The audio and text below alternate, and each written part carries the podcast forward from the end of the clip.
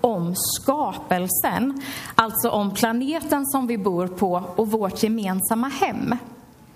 Varje år så väljs en bibelvers ut till att vara i fokus under den här månaden. Och i år så hämtas den här versen ur Amos bok, kapitel 5, vers 24. Den är så kort, så vi kommer läsa den två gånger. Först kommer jag att läsa den rakt igenom. Sedan kommer jag att läsa halva versen och så får ni upprepa halva versen så får ni själva smaka på de här orden som Amos säger. Och sen gör vi likadant med andra halvan versen. Ska vi se. Ska jag bara hämta min bibel här. Är ni med på detta nu då? Ur Amos bok kapitel, 5, vers 24 står det så här. Men låt rätten välla fram som vatten och rättfärdigheten som en outsinlig ström. Nu säger jag första halvan och ni får upprepa. Men låt rätten välla fram som vatten. Och rättfärdigheten som en outsinlig ström.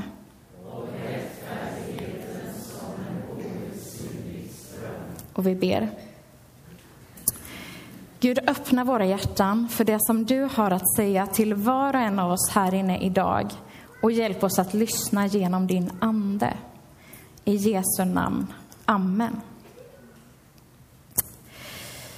I det allra första kapitlet utav Bibeln så står det om hur Gud skapade världen. På den första dagen så skapar han ljuset.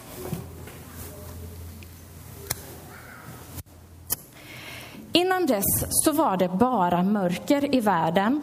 Men när Gud skapar ljuset så blir det skillnad på dag och natt. Den andra dagen skapar han vattnet. Det står att han skiljer vatten från vatten så att himlen är uppåt och havet är neråt. Det är skillnaden på dag två.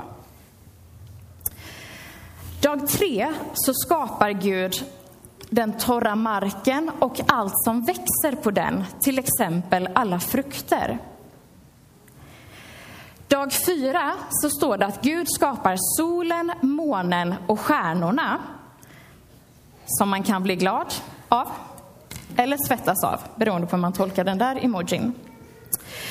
Dag fem så står det att Gud skapar alla varelser som havet myllrar av, fiskar och alla andra djur som finns där i. Och så på den sjätte dagen så skapar Gud alla andra djur som går på torra land och alla oss människor.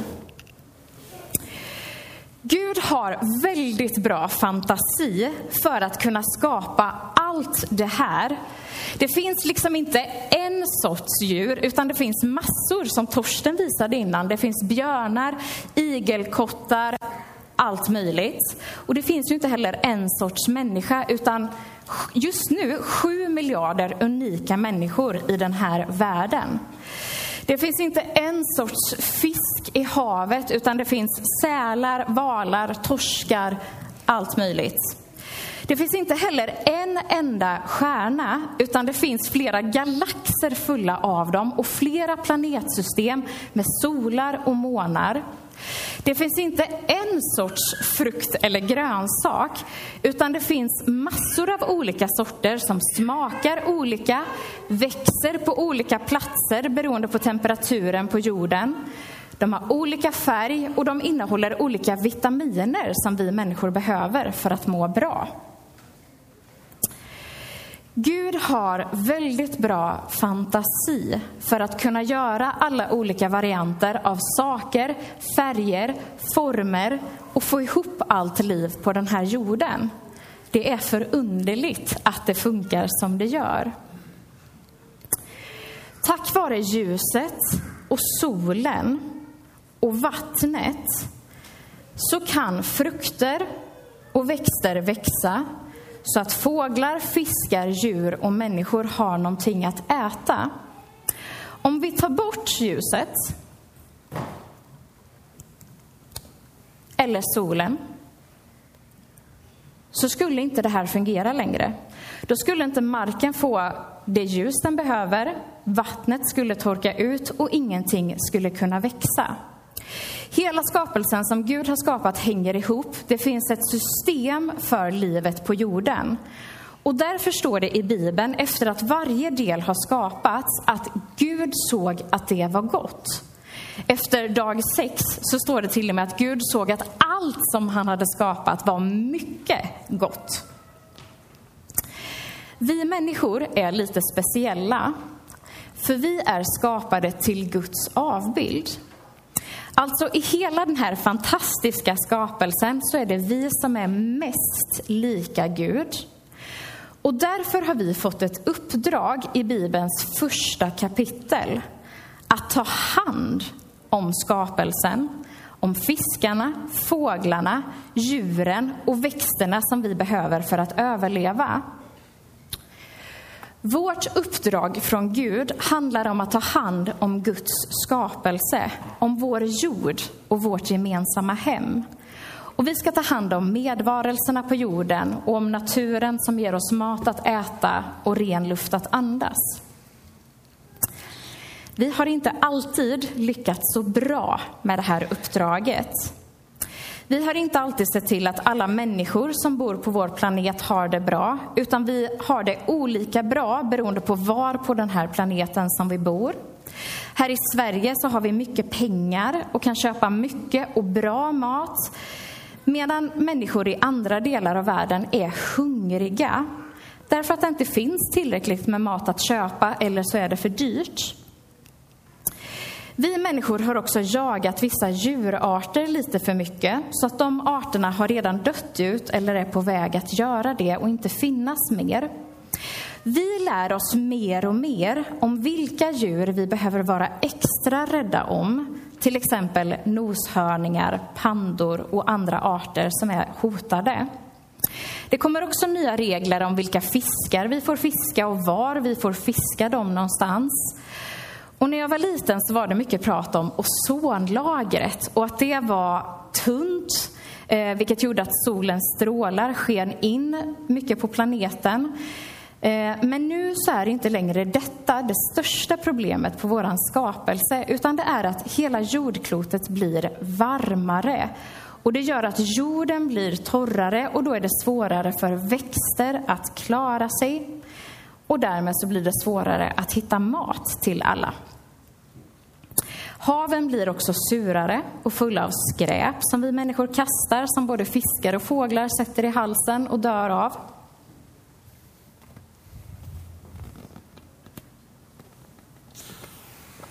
Det är lite pyspunka på vår planet.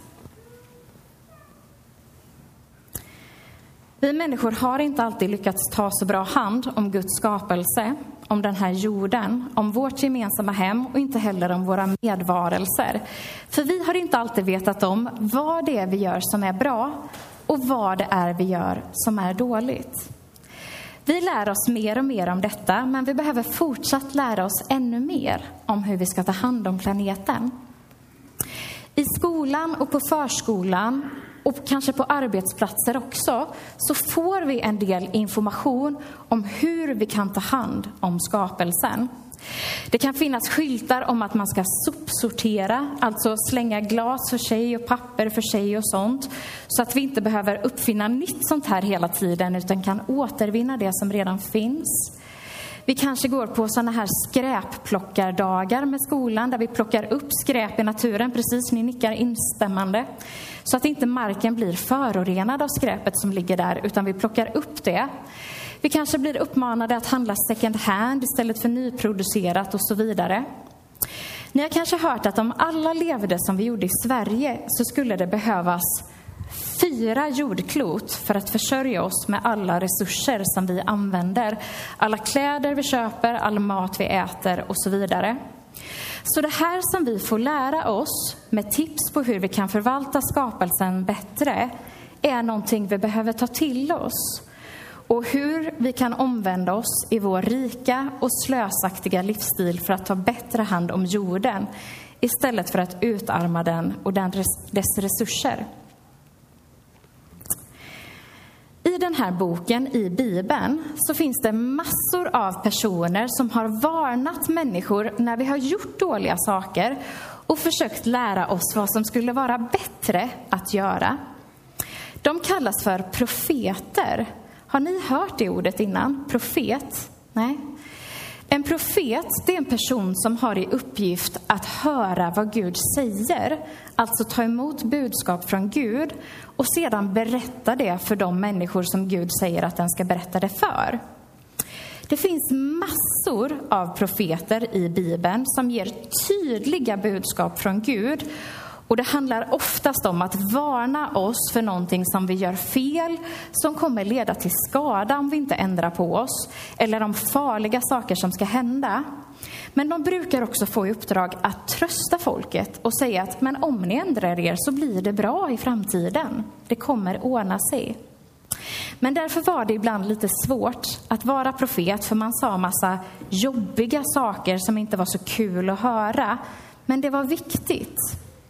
De sa sanningen. De sa ord från Gud och därför var det viktigt att lyssna till dem. En sån profet hette Amos, då, han som vi citerade förut. Och han levde för 2700 år sedan, alltså det är superlänge sedan. Och det som han sa finns sparat i Amos bok i Bibeln. Amos var väldigt modig. För när han levde så hade landet som han bodde i delats i två. I Nordriket Israel och i Sydriket Juda. Och han bodde i Juda, som låg, eh, i, i en stad som låg några mil söder om Jerusalem. Och där jobbade han som herde. Det här som Torsten pratade om innan, alltså han tog hand om djur och han var också jordbrukare och odlade fikon, står det i Bibeln. Gud sa till Amos att han skulle gå från Juda upp till Nordriket Israel och ställa sig på deras heliga plats Betel och predika för folket som brukade gå dit och fira gudstjänst. Och han predikade då om lite olika saker. Bland annat så förutsåg han en jordbävning, alltså en naturkatastrof som skulle hända två år senare.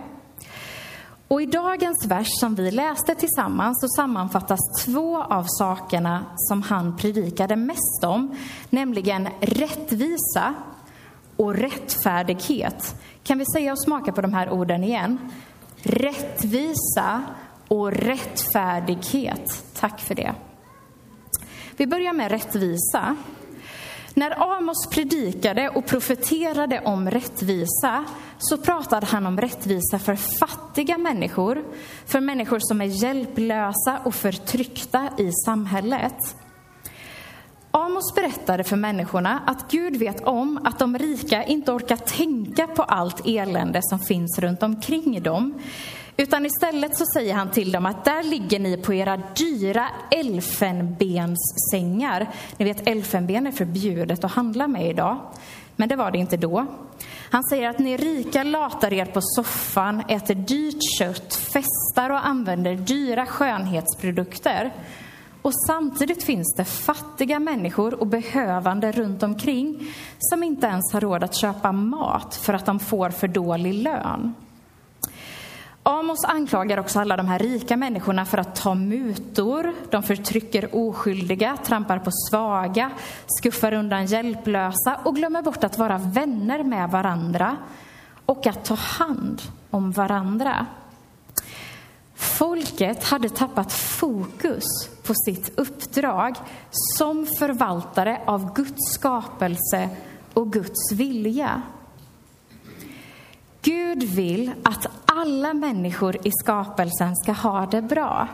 Så när någon människa lider och har det väldigt dåligt medan andra människor har ett stort överflöd så skaver det lite. Så var inte tanken med skapelsen. Det är inte gott med sådan orättvisa.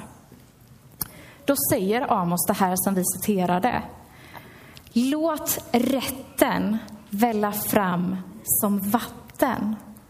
Alltså ta reda på hur vi kan göra den här värld och det här samhället mera rättvist. Och låt rättvisan strömma fram så att alla kan få leva ett värdigt liv.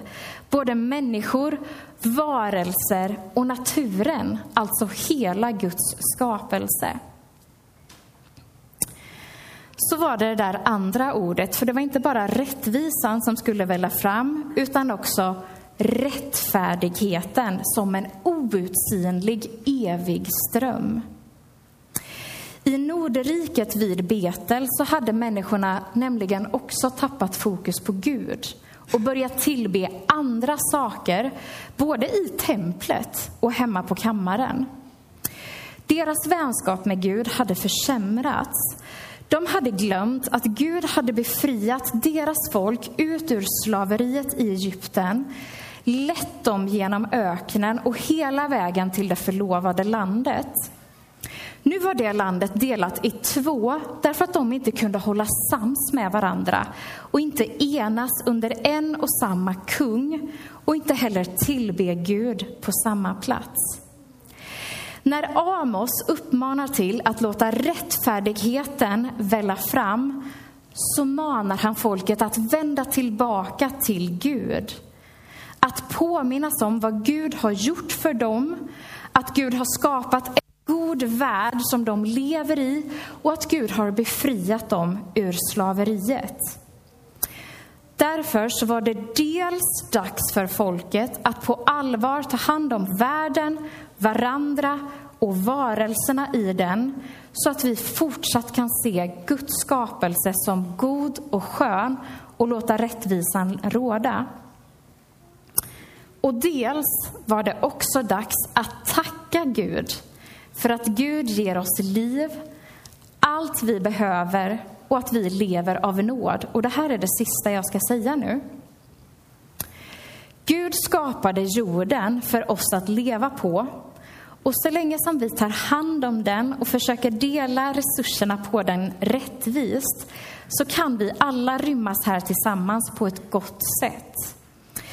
Gud sände sin son Jesus till världen för att frälsa den, alltså att rädda och befria den från ondska, synd och död och undergång. Jesus säger till och med att han kom för att vi ska ha liv och liv i överflöd. Så sänder Gud också sin ande som svepte över jorden redan vid skapelsens början och som fortsätter svepa över våra liv idag för att fylla oss med Guds livgivande skaparkraft och inspirera oss i vårt uppdrag som Guds avbild, som Guds förvaltare av skapelsen och Guds fortsatta medskapare här på jorden. Rättfärdighet betyder att leva i enlighet med Guds vilja, Guds tanke och plan för den här skapelsen och för vårt liv på den. Så därför påminns vi idag, i september månad, om vårt uppdrag att ta hand om jorden och alla som bor i den. Att berätta för fler om den Gud som har skapat oss alla om hur vi kan vända tillbaka till en god gudsrelation och om vårt uppdrag att värna om jorden istället för att åstadkomma fler pyspunkor på den. Så låt oss fortsätta göra det, inte bara under temamånaden skapelsetid, utan för all framtid. Amen.